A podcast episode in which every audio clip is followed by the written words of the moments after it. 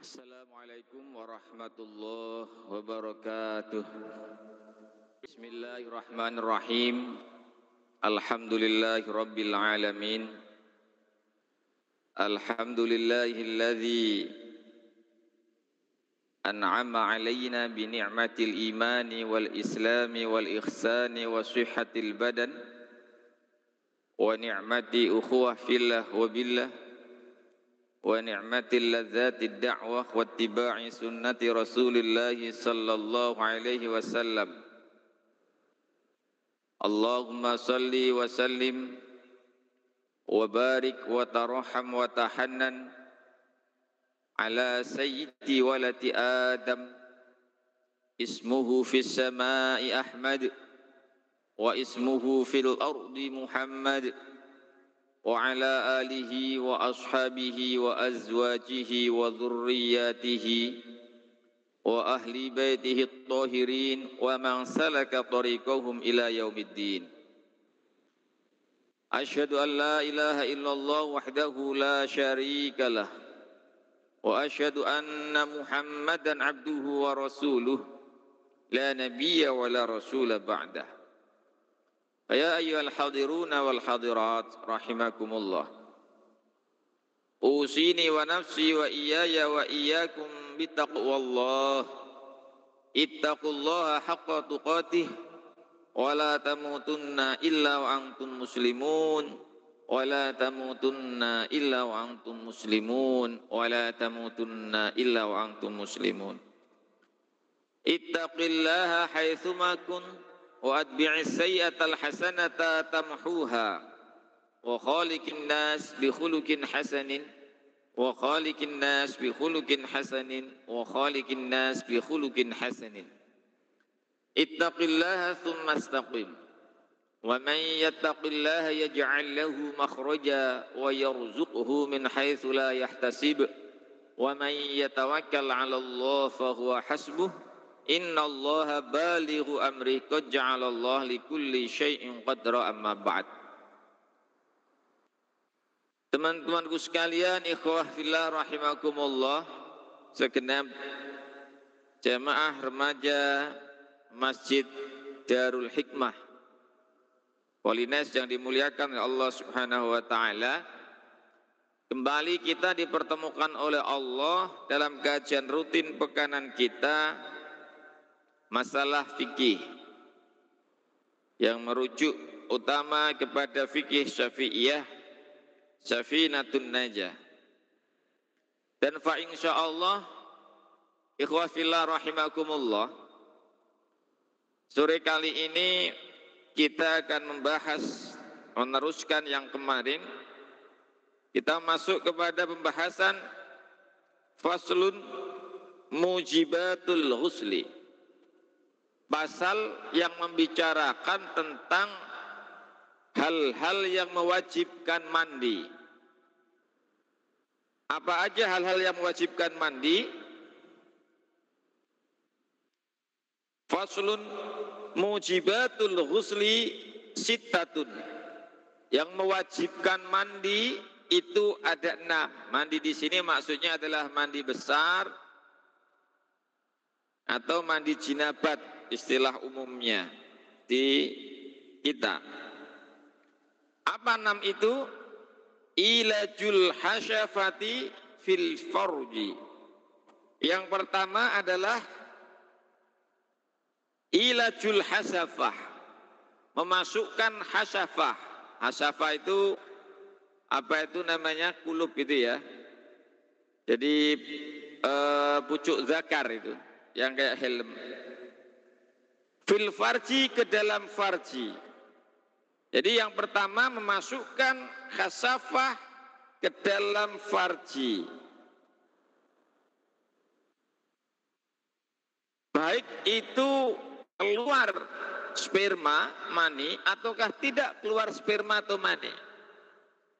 Bahkan di dalam kitab yang lain itu adalah bertemunya. Gitu. Atau dengan istilah iltiqa'ul hitanaini bertemunya dua dua alat farji. Ya, bertemu saja jadi udah menyentuh meskipun tidak tidak keluar mani atau tidak merasakan kenikmatan. Baik itu bertemu atau memasukkan tadi fi fil farji itu farji orang hidup ataupun orang mati maka wajib wajib mandi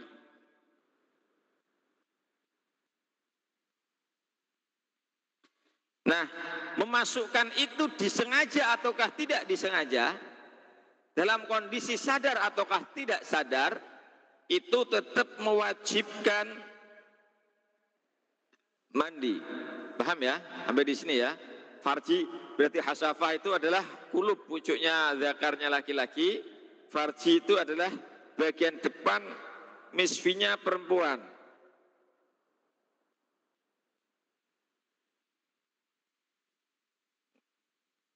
Bahkan masuk ini kepada farji bukan hanya farji perempuan. Dalam keterangan yang lain itu bisa farjinya hewan, binatang, berarti ada kelainan. Na'udzubillah summa na'udzubillah min dzalik atau kemudian maaf yang kaum LGBT melakukan sodomi. Jadi farji itu juga termasuk eh, bagian belakang dubur gitu ya. Farji bagian depan atau bagian belakang belakang dubur. Padahal memasukkan ke dubur itu haram. Saya ke istrinya ke dubur haram, saya terpelanggar, itu dia juga wajib mandi. Terus kemudian ketika yang apa lelaki kaum LGBT, sodomi itu, naudzubillah summa naudzubillah min dalik, itu juga wajib mandi. Dan farjinya orang kecil ataupun orang dewasa tetap wajib mandi. Orang yang masih hidup atau meninggal meninggal dunia. Maka wajib wajib mandi. Pertanyaannya, Ustaz, gimana kalau bermimpi? Kayaknya bermimpi itu bersenggama sampai iltiqaul hitanain atau sampai ilajul hasafah fil farj. Atau masukkan kasyafah tadi kulub tadi ke dalam farj tapi mimpi tadi maka jawabannya apakah wajib mandi ataukah tidak? Selama tidak keluar sperma atau mani maka tidak wajib mandi. Tapi kalau kemudian dia keluar sperma eh ternyata ada bekas-bekasnya itu ya di apa di selimutnya atau di sarungnya atau di apanya bangun tidur kok ada gitu tuh Tadi malam mimpi itu, maka wajib man, wajib mandi. Jadi yang pertama yang mewajibkan mandi adalah ilajul hasafah fil farj.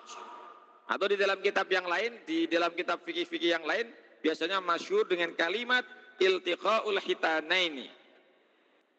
Yang kedua, wa khurujul mani. Wa khurujul mani. Yang kedua adalah keluarnya sperma. Itu maka wajib wajib mandi. Baik keluarnya dengan cara halal maupun dengan cara cara haram. Cara halal seperti apa? Ya ketika dengan istrinya, hubungan suami istri itu halal. Atau kemudian dinikahkan dengan tangannya istri itu halal. Tapi kalau dia nikah dengan tangannya sendiri atau bisobun dengan sobun haram. Ya, yang arja pendapat yang apa itu namanya yang roci haram atau onani. Nah keluar sperma seperti itu dengan cara halal maupun dengan cara haram maka tetap mewajibkan man, mandi. Paham sampai di sini yang nomor dua? Yang nomor tiga wal haidu. Haid jadi besok kalau udah menikah, udah beristri, istrinya haid, suci, disuruh mandi dulu karena wajib. Jangan langsung kemudian diajak hubungan suami istri. Ya wajib mandi dulu baru selesai mandi dari mandi haid, maka dia boleh melakukan hubungan suami istri. Wan nifasu dan kemudian nifas. Jadi keluarnya nifas itu adalah darah yang menyert yang uh, yang keluar setelah melah, melahirkan. Paling sedikit itu satu hari satu malam. Wakila di dalam uh, pendapat yang lain hanya dengan kalimat lahdotan. Lahdotan itu sebentar. Kalau orang pesantren menyebutnya lahdotan saat kecerotan. Artinya saking sedikitnya. Tapi masyhurnya paling sedikit itu suatu hari satu malam. Umumnya itu 40 40 hari. Terbanyaknya itu sekitar 60 60 hari.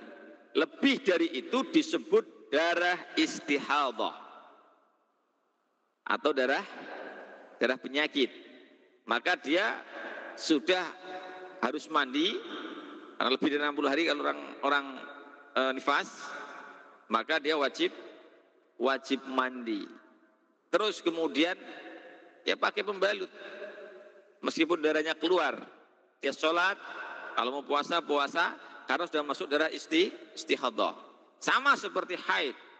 Haid umumnya adalah satu pekan. Paling banyak 15 hari. Eh paling sedikit lah lotan. Nah kalau kemudian ada orang haid lebih dari 15 hari, maka dia disebut darah isti, istihadah. Nah karena disebut darah istihadah, juga wajib mandi kemudian dia melakukan uh, pembebanan taklif-taklif yang lain, sholat, lima waktu dia jalankan. Paham ya sampai sini? Nomor empat, nifas. Nomor limanya, wal wiladatu, melahirkan. Jadi kalau istri setelah melahirkan, selesai, maka dia wajib mandi. Jadi mandi setelah melahirkan wal wiladatu. Dan yang nomor enam wal mautu meninggal meninggal dunia atau atau mati. Maka orang yang meninggal dunia itu wajib mandi.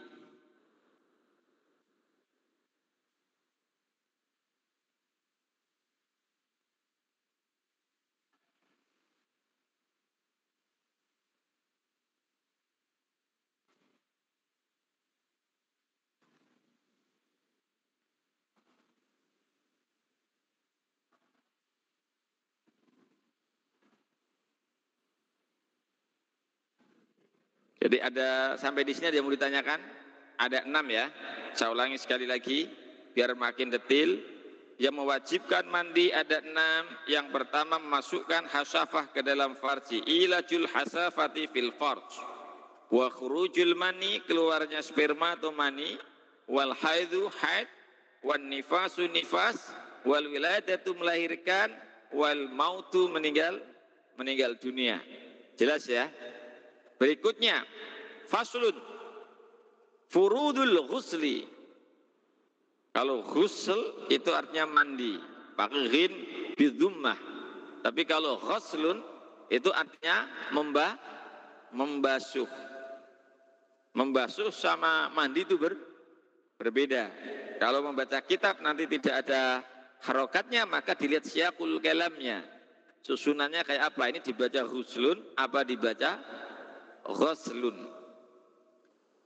Faslun furudul ghusli isnani. Far, uh, fardu fardunya mandi itu ada dua saja. An-niyatu nomor satu niat. Wa ta'mimul badani kemudian menyampaikan air ke seluruh tubuh dengan sempurna. Jadi kalau di dalam kitab ini hanya dua, ini sudah mencukupi. Jadi fardunya mandi itu ada dua. Kalau ditinggalkan maka mandinya tidak tidak sah. Nah, cuman mandi-mandi saja. Tadi habis habis mimpi basah atau kalau yang udah menikah habis hubungan suami istri. Setelah itu kemudian dia langsung mandi aja, mandi besar benar. Tapi nggak lupa, nggak pakai niat. Karena ternyata bangun kesiangan, Begitu bangun kesiangan, ngejar sholat subuh, cepet-cepetan mandi, lupa niat. Setelah selesai mandi, mau sholat, baru ingat. tadi aku mandi kagak niat nih gitu kan. Apakah sah mandinya? Tidak sah. Dia wajib mengulang lagi untuk mandi. Ya, jadi niat. Nah, niat itu dilakukan bersamaan ketika membasuh atau menuangkan air ke dalam tubuh. Jadi ketika pertama kali. Tapi kalau masih latihan ya niat dulu nggak apa-apa. Baru kemudian dituangkan ke dalam air seperti bab niat kemarin yang saya sampaikan ketika orang so, sholat. An-niyah ma'a takbiratil ihram. Niat bersamaan takbiratul ihram. Bukan an-niyah qabla takbiratil ihram. Jadi an-niyah ma'a takbiratul ihram. Niat bersamaan dengan takbiratul ihram. Allahu Akbar. Kalau yang belum terbiasa katanya susah. Dan kemudian bisa dan itu tidak boleh memanjangkan kalimat karena sambil niat itu. Kemudian panjangnya melebihi panjangnya bacaan di dalam tajwid, dalam ilmu tajwid. Orang Allahu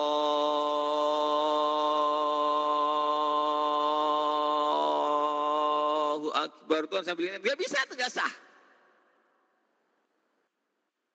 Nah makanya diruhsah karena kita kesusahan ya nggak apa-apa. Ulama kemudian ini untuk mem, apa itu namanya? Untuk mendidik litarbiyah maka boleh.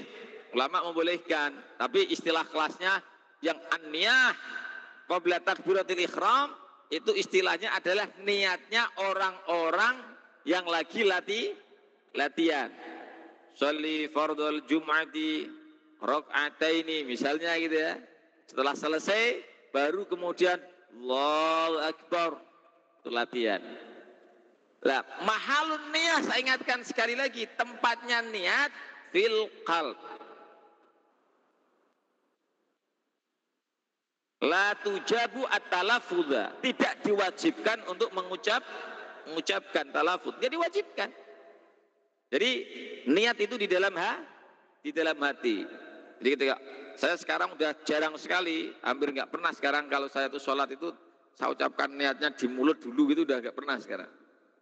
Ketika pas mulai dulu ketika pas ngaji fikih sama kiai saya, oh, kalau tingkatannya sudah ibarat orang udah kelas mahir sudah nggak usah begitu, jadi bersamaan.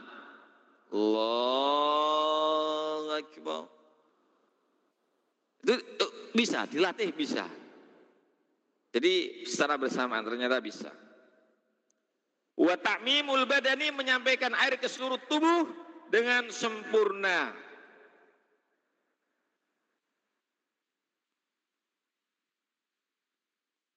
Nah, maaf, sebelum tadi niat, niat itu niatnya harus dirinci ya. Yang pertama menghilangkan ya niat yang dikerjakan, niat mandi dilakukan dengan berapa cara? Yang pertama menghilangkan hadas jenebah. Jadi raf'al hadasil ak akbari atau raf'al janabati. Sudah menghilangkan hadis, an hadas, bukan hadis ya, hadas janabat. Atau hadasil akbar, menghilangkan hadas besar. Dan kemudian di dalam niat itu juga niat fardul ghusli karena wajib man, mandi.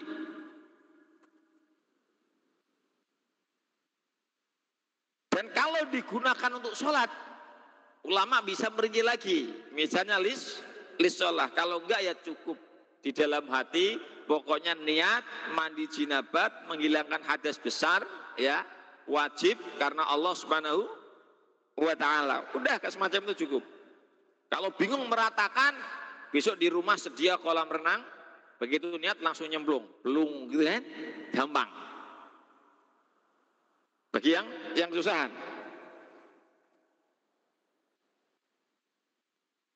Dan ingat, niat itu tidak harus pakai bahasa Arab. Allah maha mengetahui bahasa apa pun. Tidak hanya bahasa bahasa Arab. Jadi mau bahasa Arab, oh ini, tetapi Allah bukan orang Arab ya. Repot nanti Allah dibilang orang Arab, itu kaitannya dengan akidah.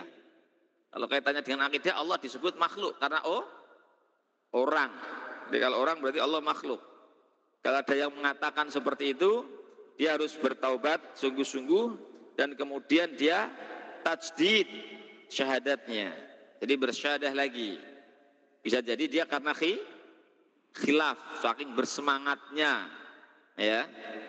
Maka kemudian menyebut Allah bukan orang bukan orang Arab. Nauzubillah semua nauzubillah min dzalik.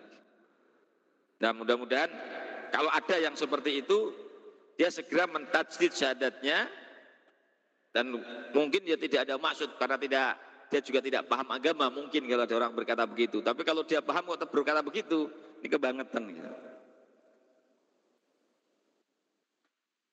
Pertanyaannya lagi nih, apabila berkumpul dua mandi pada seseorang, maka hukumnya seperti apa?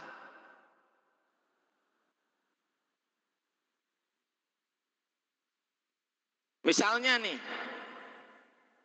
dua dua wajib gimana? Keluar mandi hukumnya wajib nggak? Mandi, wah wajib. Iltiqaul hasafah hukumnya wah wajib. Apa itu namanya iltiqaul khitanen atau yang tadi ilajul hasafa ilal farj. Masuknya hasafa ke farji saja tanpa keluar mani, hukumnya wajib man, mandi. Keluar mani, wajib man, mandi. Berarti ada dua peristiwa yang mewajibkan mandi. Fakaifa biniatiha. Biniatihima. Fakaifa. Kemudian bagaimana dengan niat keduanya? Niatnya cukup biasa satu. Paham sampai di sini? Berarti itu karena wa, wajib. Apabila yang berkumpul itu adalah dua mandi sunnah. Seperti orang selesai mandikan jenayah. Dan hendak pergi sholat Jumat. Itu hukumnya sunnah. Jadi kalau teman-teman besok mandikan jenayah. Itu sunnah mandi. Setelah mandikan jenayah. Jenayah. Atau kemudian mau sholat Jumat Mau sholat Jumat. Sholat Jumat mandi hukumnya apa? Sunnah, hukum asalnya sunnah. Jadi kalau berkumpul, ini pas tadi habis mandiin jenazah meninggal, selesai pulang langsung mau sholat Jumatan. Jadi mau selesai memandikan jenazah sunnah mandi, mau sholat Jumatan sunnah man, mandi. Dua mandi yang hukumnya sunnah berkumpul jadi satu maka niatnya juga sah, juga satu. Paham? Diperinci begitu. Sekarang kalau nih kumpulnya dua mandi, yang satu mandi wajib, yang satu mandi mandi sunnah. Ya, misalnya apa? Dia habis mimpi basah, ketiduran habis sholat duha, mimpi basah. Setelah sholat duha mimpi basah, terus kemudian itu pas pagi Jumat, jadi bangun-bangun, loh ini Jumat ya. Maka dia mau Jumatan hukumnya juga mandi sun, sunnah. Maka bagaimana niatnya? Niatnya dua. Satu niat wajib, satu niat sun, sunnah. Paham sampai di sini? Itu sampai ulama merincikan seperti itu. Ya, untuk memudahkan kita kadang kesusahan nih yang diperhatikan di dalam ketika mandi wajib tuh. Di dalam mandi wajib itu meratakan kadang itu eh, lipatan-lipatan tubuh itu susah. Maka ulama mengajari kita, para guru-guru mengajari kita dengan niat ala jami'il badani untuk seluruh tuh tubuh sehingga pas ketika kita nggak nggak tahu atau nggak sengaja ada yang kelewatan sudah dimakfu atau dimaafkan oleh Allah Subhanahu wa taala. Paham sampai di sini? Tadi saya katakan bahwa mandi Jumat itu hukumnya sun sunnah. Tetapi yang sunnah bisa menjadi wajib. Tetapi kalau bertumpul dua mandi wajib niatnya cuma cuma satu. Gimana yang sunnah bisa menjadi wajib? Ternyata antum pernah bernadar di pekan itu. Besok aku bernadar kalau Jumat saya akan mandi dulu. Hukumnya nazar apa? Wajib. Maka mandi Jumat saat itu hukumnya adalah wajib. Sementara keluar mani atau bermimpi basah punya wajib. Dua jadi satu, maka niatnya juga sah, juga satu. Lah itu dulu kiai saya kiai uh, Al Mahfurlah Kiai Cirofi Masyuri itu ngajari bedanya orang pinter fikih sama kagak. Itu enaknya orang pinter, itu mudah melipatkan pahala. Jadi waktu itu menerangkan fadlul alim alal abid ka fadlil qamar ala sairil kawakib atau ka fadli ala ashabi. Jadi keutamaan orang ilmu yang berilmu sama orang ilmu ay ulum diniyah artinya ilmu agama dengan orang yang ahlul ibadah. Jadi senang ibadah saja itu seperti keutamaan bulan purnama dibanding bintang-bintang meskipun bintangnya banyak kayak apa pun dengan satu bulan purnama itu kah? kalah atau seperti keutamaan Rasulullah yang lebih utama daripada para sahabat dari para sahabatnya kok bisa begitu gimana contoh kalau antum bukan orang alim antum beribadah dapat pahala cuma satu habis wudhu masuk ke masjid seperti ini Cuman pahalanya cuma satu ketika bukan orang alim. Pahalanya apa? Mungkin niatnya di sini cuma taklim aja. Tapi begitu antum orang alim niatnya banyak. Berarti pahalanya jadi bah? Banyak. Di sini ya Allah, aku niat untuk taklim, mengamalkan bahwa orang-orang yang tolabul ilmi faridotun ala kulli muslimin. Jadi menuntut ilmu itu wajib bagi orang-orang muslim. Tolabul ilmi minal mahdi ilallah. Terus kemudian saya Allah meninggalkan dari maksiat-maksiat. Biasanya kalau jam segini ya Allah, saya rongrong sampai ini nih. Sampai maghrib, rongrong-rongrong cuci mata di pinggir jalan ya Allah. Maka ini saya niatkan untuk menghindari atau meninggalkan perkara-perkara yang buruk menuju ke perkara yang baik. Dan tambah lagi. Niat ketika masuk ini karena di masjid ya Allah, aku niatkan i'tikaf karena engkau ya Allah. Sama-sama masuk ke masjid, yang satu nggak ada niat iktikaf, yang satu ada niat iktikaf. Dia tidur saja dapat pahala, yang nggak niat iktikaf. Dia nyala matanya nggak dapat pahala, nggak dapat pahala. Yang bedakan adalah niat. Ya kayak tadi sholat Jumat. Ketika akan mandi, hukumnya sun, sunnah. Karena dia orang pinter, dulu sama ingat betul diajari kiai saya itu. Ya dirubah aja jadi wajib. Karena kalau wajib itu pahalanya lebih besar. Wajib satu mau sunnah seribu tetap menang wajib. Wajib satu. Ibarat orang apa itu namanya dalam olimpiade. Satu negara cuma dapat Indonesia misalnya cuma dapat satu emas. Gitu. Malaysia misalnya dapat seribu perak gitu. Kira-kira juaranya siapa? Tetap Indonesia satu satu emas. Malaysia seribu perak tetap banyak Indonesia satu emas. Maka dirubah aja. Gimana? Waktu itu saya tanya, gimana ya cara ngerubahnya? Ya dirubah jadi nazar. Ah, terus repot ya nazar katanya pelit. Orang nazar itu orang beribadah sama Allah katanya pelit. Gak apa-apa dianggap pelit, yang penting kan jadi wajib.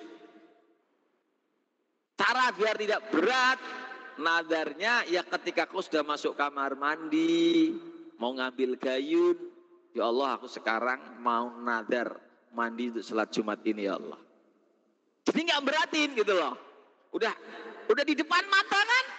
Udah di kamar mandi kan? Tinggal nyalain shower, set. Niatnya berubah. Jadi wajib, bukan sunnah. Dia dapat pahala wajib.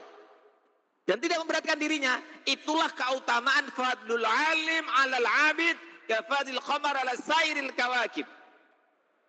Orang alim mengalahkan orang ahli ibadah. Sholat seribu kali nggak punya ilmunya, tetap kalah sama orang satu kali sholat tapi punya ilmu. Punya ilmu. Sama. Orang punya ilmu. Kalau antum punya ilmu itu akan segera nih. Misalnya satu contoh.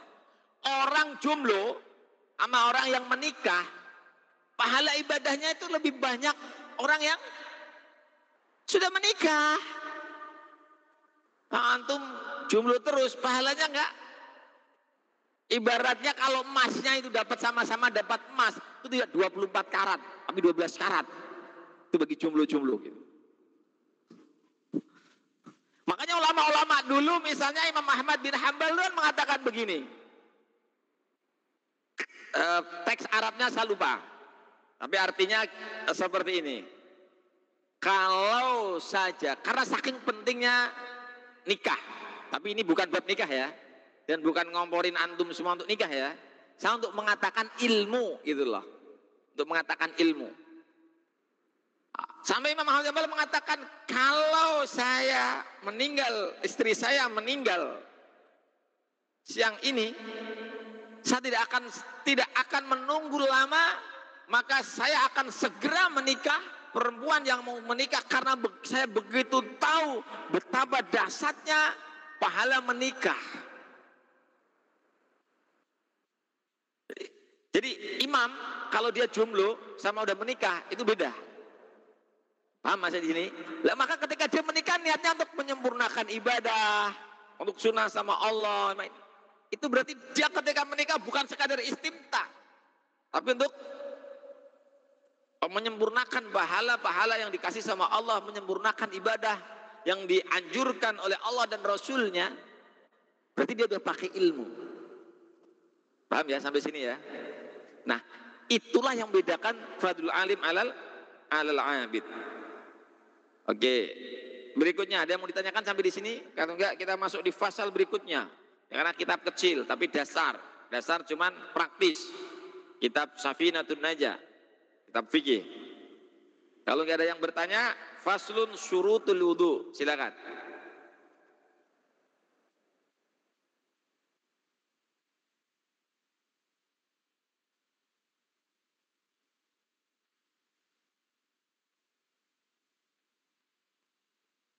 kita niat nikah kita itu banyak terus sama niat nikah kita itu hanya untuk nikah saja apakah nanti uh, setelah kita menikah dengan niat yang biasa saja itu selamanya akan pahalanya biasa saja atau bagaimana Ustaz? Ya, ya biasa aja, pahalanya biasa aja. Kalau misalkan ya tajdidun niat. Memperbarui memperbarui niat. Ya tinggal di niat dan tajdidun niat. Jadi memperbarui niat, ya Allah, aku dulu belum dapat ilmu, belum ngaji sama Ustadz Munif. Sekarang saya udah ngaji, tahu betapa pentingnya niat. Habib Zaid bin Ibrahim bin Sumit dalam kitab Manhajus Sawi itu sampai menulis lafat niat nikah itu kalau nggak salah dua atau tiga halaman. Dan di situ saya hitung kalau tidak salah antara 29 30 niat. Dilafatkan bi alfaz bil lughatil arabiyah dengan kalimat eh, bi kalimat bil al arabiyah di kitabnya. Jadi niat nikah menjalankan uh, perintahmu ya Allah fangkihu matobalakum misalnya gitu ya. Terus kemudian niat nikah karena saya kalau nggak nikah akan jatuh kepada maksiat ya Allah. Tidak enggak niatnya tuh sampai ada ini. Tapi seluruh niat apa pun di dalam ibadah itu tetap at-ta'abbud niat utamanya adalah at-ta'abbud ilallah beribadah kepada kepada Allah bukan digantungkan kepada hikmahnya suatu ibadah. Sering saya sampaikan di mana-mana nih. Karena di zaman modern seperti sekarang ini bahaya. Kalau dia tidak memahami bahwa niat utamanya adalah atabut ilallah. Nanti orang akan gini, misalnya contoh nih. Kenapa Allah mengharamkan babi? Kita menjawab, bukan atabut ilallah beribadah kepada Allah. Wa ma khalaqtul jinna wal ins illa liya illa.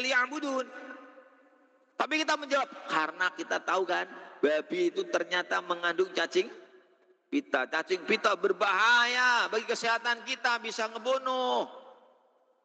Kalau kita jawab gak semacam itu, nanti akan ada pertanyaan berikutnya. Gimana kalau teknologi udah nemu ini, steril nih. Daging babi itu paling enak, teksturnya paling empuk, produksinya paling gampang, tidak gampang mati kalau diternak, apa pun bisa dipakai gitu. Ini madorotnya nih secara modern dengan teknologi modern udah dihilangkan. Cacing pitanya udah steril. Apa-apa yang membahayakan udah steril. Maka kita nggak mau ngejawab apa? Apakah terus jadi halal gitu? Kagak. Di situlah niatnya adalah at-ta'abud ilallah. Beribadah kepada Allah mau jadi hilang cacing pitanya, mau jadi macam-macam. Ketika Allah bilang haram, tetap ha, tetap haram. Seperti kita sholat, kenapa sholat? Menghadap kiblat. Ta'abud ilallah. Kenapa harus berwudu? Ta'abud ilallah. Allah. Kenapa menikah? Ata'abud ilallah. Niat utamanya itu. Paham ya sampai sini ya? Nanti karena kalau enggak, ini akan jadi aliran ini nih. Ntar kalau enggak akan jadi aliran ini. Apa itu namanya? Uh, esensial. Jadi esensialis. Kalau di dalam ilmu apa itu teman-teman mahasiswa. Esensialis itu gimana? Yang penting itu esensinya. Sholat apa esensinya? Inna sholata tanha anil fahsya'i wal mungkar. Sungguhnya sholat bisa mencegah dari perkara faksa dan mungkar. Lacut dan mungkar.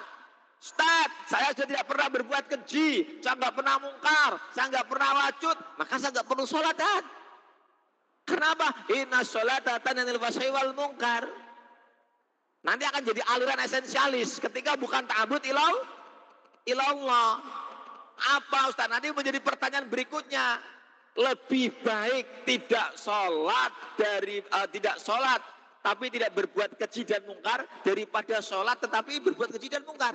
Ini uh, logika sesat. Paham? Nanti orang kan begini, orang sholat korupsi. Lebih baik itu yang tidak sholat tapi tidak korupsi daripada yang sholat juga korupsi. Kalau sholatnya benar, nggak mungkin dia korupsi. Berarti sholatnya kagak, kagak benar. Jadi bukan masalah di sholatnya.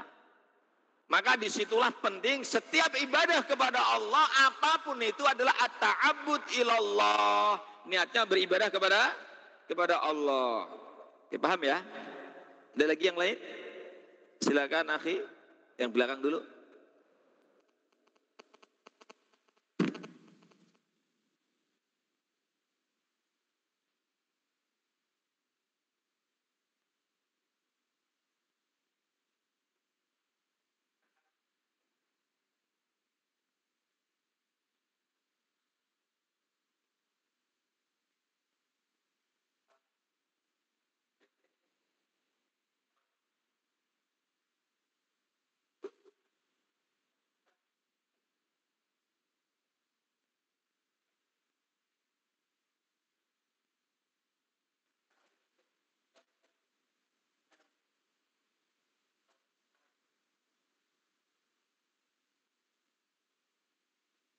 Saya belum pernah mendapatkan itu. Jadi pengganti mandi itu adalah membasuh kepala tiga, tiga kali. Di kitab mana pun nggak ada. Yang benar gimana nih? Ditakjil, dicicil. Ini zakat aja ditakjil, ya kan? Cicilnya gimana? Ini karena malu nih sama orang sama mertua, ya kan? Nanti keterangannya di kitab Kifayatul Akhyar dulu ketika saya ngaji itu yang nerangkan kiai saya Yai Rofi itu. Jadi kita mandi kepala dulu nih, dibasahin semua. Jadi malam-malam itu kan karena di rumah mertua, eh, pokoknya kepala dulu dibasahin semua. Niatnya sudah sudah mandi. Setelah kepala semuanya basah langsung diandukin kering kan, kering kan. Terus kemudian pura-puranya tidur lagi, jangan ibadah lagi gitu kan. Jadi tidur lagi. Sunahnya wudhu, setelah wudhu terus kemudian baru baru tadi kepala udah selesai, habis ini selesai, terus kemudian pura-puranya mau subuh. Subuh kemudian mandi, biasa mandi. Terus kepalanya enggak enggak basah. Mertua akan ngeliat loh, kok enggak basah kepalanya nih. Berarti enggak ngapa-ngapain tadi malam, gitu kan? Karena yang bikin malu bukan mandinya, ini basahnya. Kok begitu? Pengalaman pribadi dulu juga begitu. Kalau di tempat mertua tetap malu gitu loh. Karena juga begini, yang bukan nikah tuh kayaknya matanya itu ngamatin kamar kita gitu loh. Ngamatin pagi ntar nih mandi apakah kagak, kayaknya begitu gitu kan. Maka dicicil, caranya dicicil. Ya, dia nyicil kepalanya itu dulu. Karena di situ tidak tidak ada syaratnya mandi itu adalah al-mualatu. Itu enggak ada. Kalau seperti di wudhu di apa itu ada al-mualatu. Tetapi kalau mandi itu tidak tidak ada. Mualatu itu bersegera. Ya. Al-mualah. Paham sampai di sini? Tadi mau bertanya apa?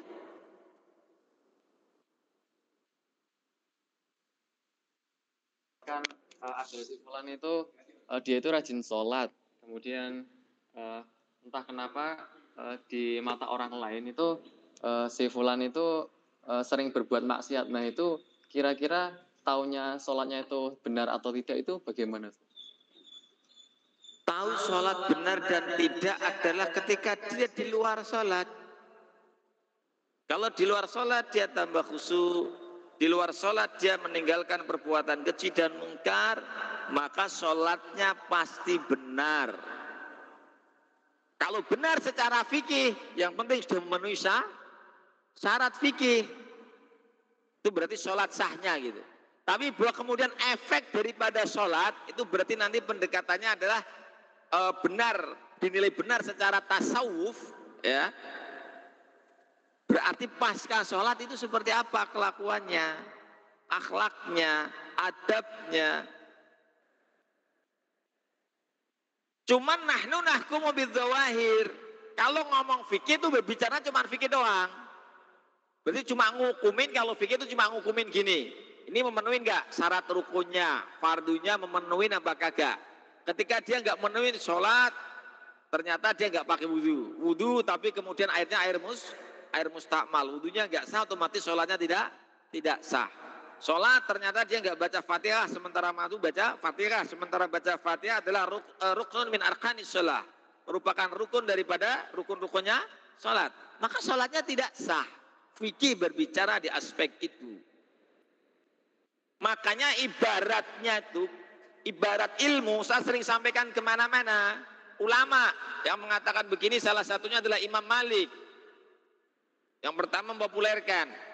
Orang yang berfikih saja akan jatuh kepada kefasikan. Fasik itu apa? Gampangin. Susah, ah, gampang berbuat apa itu ngeremehin. Jadi mantafakoha wala tasawwafa. Karena fikih itu ibaratnya itu tubuh ini adalah zohir. Jadi pakai ini. Kita butuh ini enggak? Butuh tangan, butuh ini zohir kan? Fikih itu wilayahnya itu ibaratnya tuh.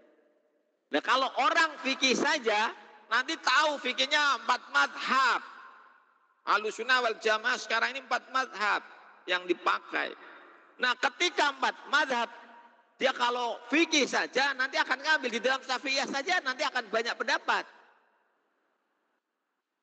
Itu dia akan ngambil kelimpat ringan-ringannya saja terus gampang-gampangnya saja. Sangat mungkin. Maka dia ngentengin. Contoh fasik itu apa ya sholat yang sholat. Yang penting sholatnya sah. Jadi nanti sholat cepat gitu. Sehingga nggak ngefek pasca sholat. Karena pasca sholat bukan wilayah fikih untuk menilai paham?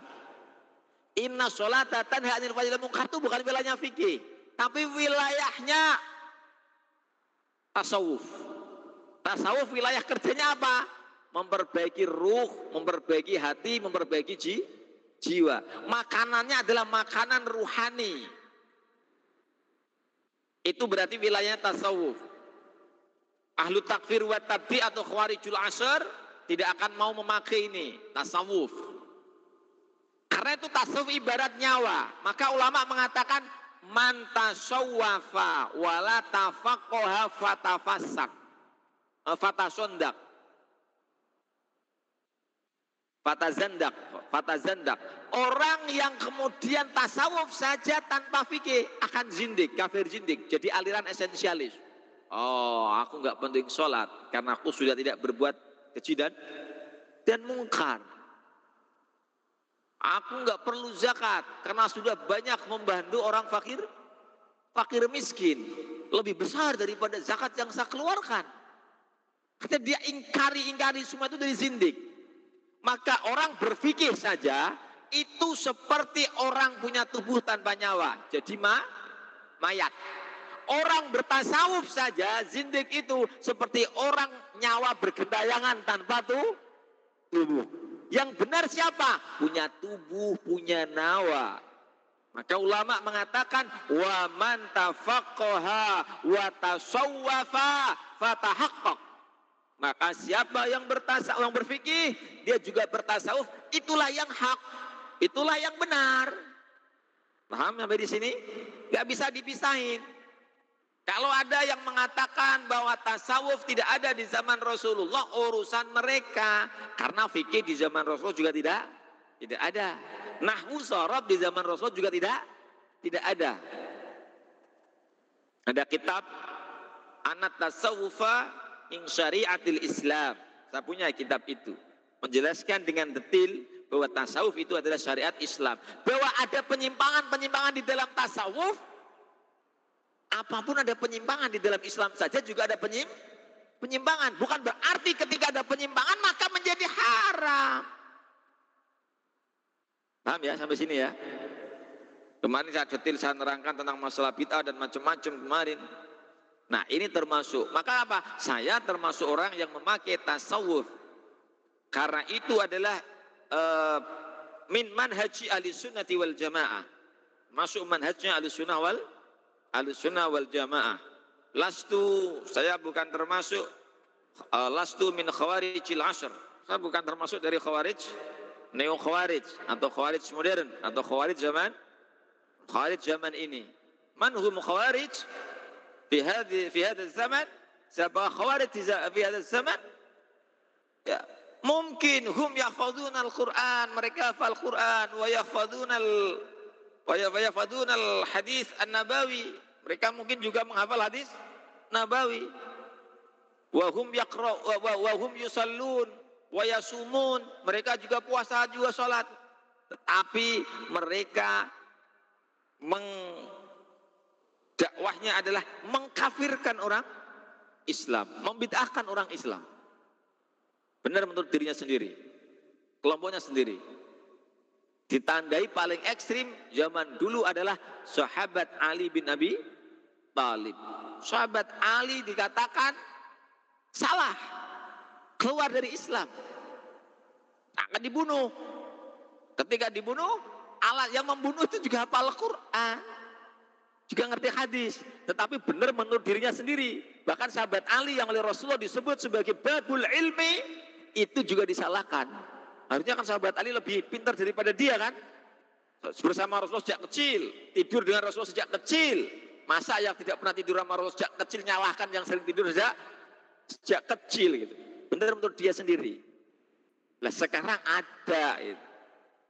Jadi dakwahnya adalah mengkafirkan orang Islam. Dengan pintu menurut mereka adalah bid'ah. Dengan tidak menggunakan pendapat jumhurul ulama. Tapi menggunakan pendapat mereka sendiri, dalil mereka sendiri, benar menurut mereka sendiri, tafsiran mereka sendiri, penjelasan mereka sendiri, pakai ulama mereka sendiri, tidak mau memakai pendapatnya jumhurul ulama. Gitu. Paham ya sampai di sini ya?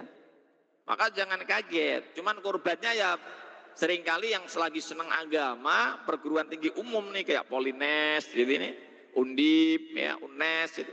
Makanya saya kalau disuruh ngisi-ngisi di uh, perguruan tinggi umum senang saya. Untuk meluruskan kayak kayak semacam ini, itu. Dan saya tidak menerima debat. Mustafa nanti ada mendebat, kemudian kaitannya dengan ini. Kalau dia mendebat, ngapain capek-capek saya debat? Karena toh mereka tidak akan memakai pendapat ulama. Saya cuma akan mengatakan saya berani bertanggungjawabkan apa yang saya sampaikan bahwa saya punya guru uh, petunannya di dalam ulumuddin ya. Iltazamtu al ulumaddin ya. Sittata sanawat. Jadi saya ilta, iltazamtu jadi iltizam itu uh, ulumuddin ya 6 tahun. Ala yadi Syekh Syekh Abdul Basir Hamdi Al-Maraqi. Atas guru saya Syekh Abdul Basir Hamdi Al-Maraqi wa huwa ay akhad al ay akhad al ulum ad-diniyah an Syekh Syekh Muslim bin Abdul Rahman Al-Maraqi Syekh Abdul Rahman Al-Maraqi an Syekh Yasin bin Isa Al-Fadani ila Rasulullah sallallahu alaihi wasallam. Jadi pertanggungjawabannya sekarang hanya lewat lewat sanat di zaman saat sekarang ini. Sama iltazam tu qiraat al-Quran ala riwayat Hafiz an Asim Bi tariq Syadibiyah wa Taibah Nasr hawalai sekitar salah salah susanawat jadi tiga tiga tahun. Saya ngambil sanat Al-Quran membaca min surah Al-Fatihah summa alif lamim ila suratin nas sampai surah An-Nas. Itu tiga tahun setengah tiga tahun sampai tiga tahun setengah. Jadi belajarnya lah lama. Untuk apa? Untuk mengambil sanat bacaan yang benar Bacaan yang benar berarti yang apa? Yang yakin sesuai Rasul yang apa? Berarti dia punya guru, punya guru, punya guru disebutkan nyambung sampai Rasul Rasulullah. Sampai saya yakin insya Allah inilah Quran yang saya baca sama dengan yang dibaca oleh Rasulullah Sallallahu Alaihi Wasallam di riwayat hada, hada, wa hada. Yang riwayat yang seperti ini, seperti ini, seperti ini.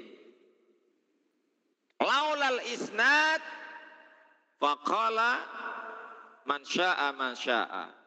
Kalau tidak ada sanat, orang akan berkata sesuka sesuka hatinya. Jadi sanat itu pentingnya di situ. Maka sanat itu bukan terus kemudian antum ngaji, setelah ngaji tidak pernah tidak pernah ikut ngajinya di terakhir nanti ada pengijayahan sanat, nggak seperti itu. Maka dia harus talaki kalau Al-Quran bitalaki wal musyafahah. Dengan talaki bertemu secara langsung wal musyafah kalau Quran harus melihat bi melihat bibir karena tahu makhorijul huruf geraknya macam-macamnya. Kalau ulumuddiniyah berarti dia ya kayak kita di pesantren semacam itu. Paham ya sampai di sini ya? Makanya ngapain capek-capek debat? Nggak ada gunanya juga debat. Makanya saya sering kali dulu pernah ngisi di Fakultas Peternakan ada yang mencoba saya waktu itu ngisi hadis Al Arba'in An Nawawiyah Arba'in Nawawi itu kemudian ada yang mendebat gitu. Tapi fikrohnya saya udah paham gitu.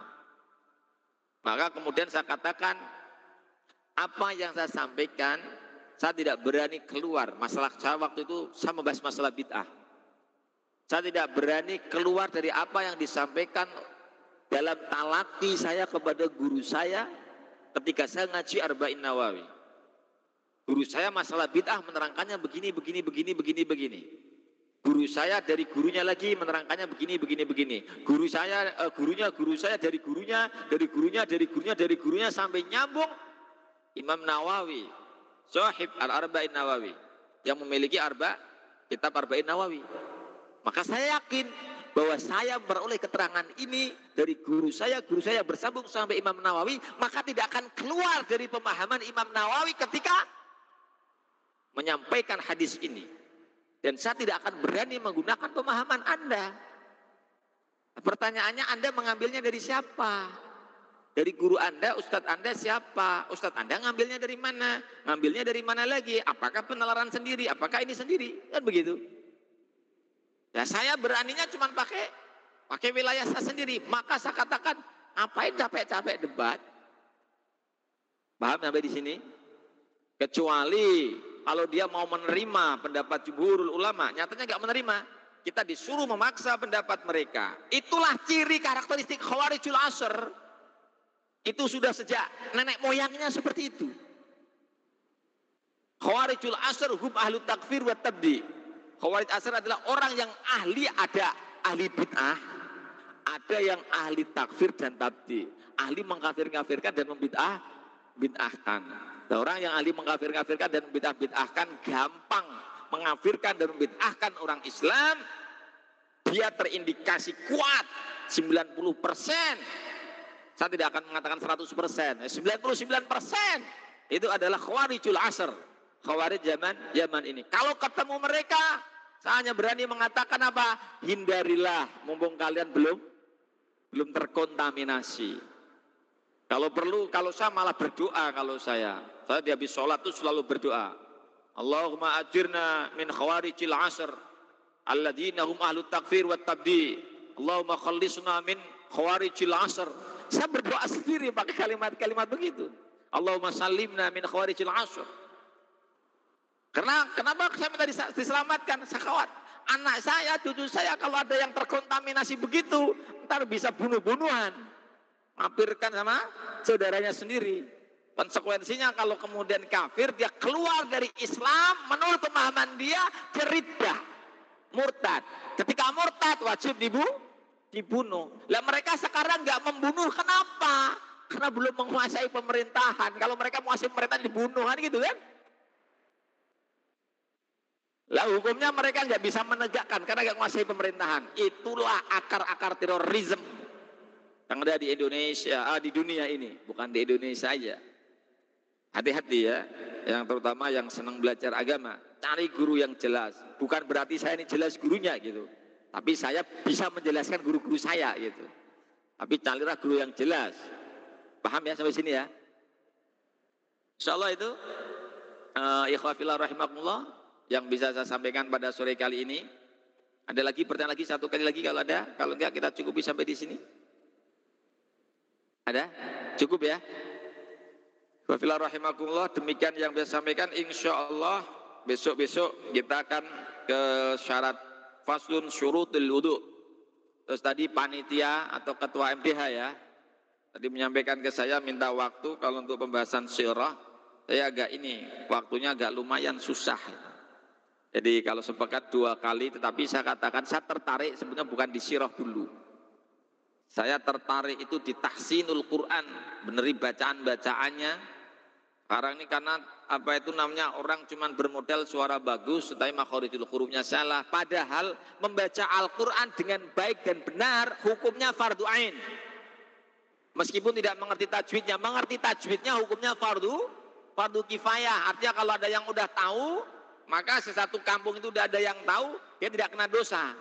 Tapi bagi diri sendiri, maka dia akan kena dosa.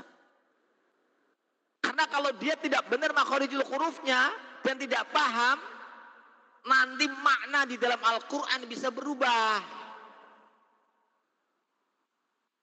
Misalnya, Innallaha sami'un alim. A. Tidak bisa ah. Sami'un alim. Sami'un alim. Alimun itu artinya kejam. Alim itu maha mengetahui. Alim berarti maha maha kejam. Misalnya kita A'udzu billah a'udzu a'udzu zal itu mengalir tipis ketika kita a'udzu berarti itu pakai makhorijul huruf dha ta dha Lo dengan zal itu makhrajul hurufnya sama. Tetapi berat ringannya ber, berbeda. Maka yang menjadikan ah, untuk menjadi ini menjadi ringan zal lebih ringan. A'udzu maka harus rahang ditarik sedikit atau sedikit merenges ditarik ke bawah. A'udzu billah maka aku berlindung kepada Allah. Tetapi ketika kita a'udzu billah enggak ditarik kan berat a'udzu zu a'udzu a'udzu lah nanti artinya apa? Berarti a'udzu pakai zo, a'udzu billah itu pakai zo. Tapi kalau itu artinya apa? Gak ada artinya. Paham sampai di sini? Makanya kalau tadi saya diminta untuk di sini nambahin waktu saya katakan lebih baik taksinul Quran. Taksinul Quran berarti ya saya kasih waktu habis hari Sabtu sore habis sholat asar membasyaratan meskipun satu dua orang gitu ya kalau antum kuat tah nanti berapa tahun, ternyata di sini kalau di semester awal ikut tiga tahun ya harusnya udah selesai bisa dapat sanat kan begitu kan? Sanat Qur'annya kan ada gitu. Ya, kalau enggak ya nanti kan paling tidak sanat Fatihah dulu lah gitu kan. Dibaca Fatihahnya kan rukun. Uh, rukun min sholat baca Fatihah. Masa bacanya ntar pada salah semua. Nah, salah nanti ada salah yang fatal, ada salah yang yang yang tidak fatal. Nah yang fatal itu yang merubah makna. Lahnul khofi sama lahnul jali. Dan nanti itu penjelasannya di ilmu ilmu tajwid. Nah kalau mau, kalau saya yang siroh ya, kalau yang siroh saya meluangkan waktu, karena siroh gini, antum membaca siroh, terjemahan-terjemahan itu nggak terlalu ngefek gitu loh. Artinya artinya nggak terlalu berbahaya gitu loh, paham nggak? Tapi kalau antum membaca Al-Quran salah, berbahaya untuk sholat antum gitu loh. Lah orang-orang Islam pada nggak sadar itu tuh. Paham sampai di sini? Nah itu kalau nanti ini, kalau uh, pada mau.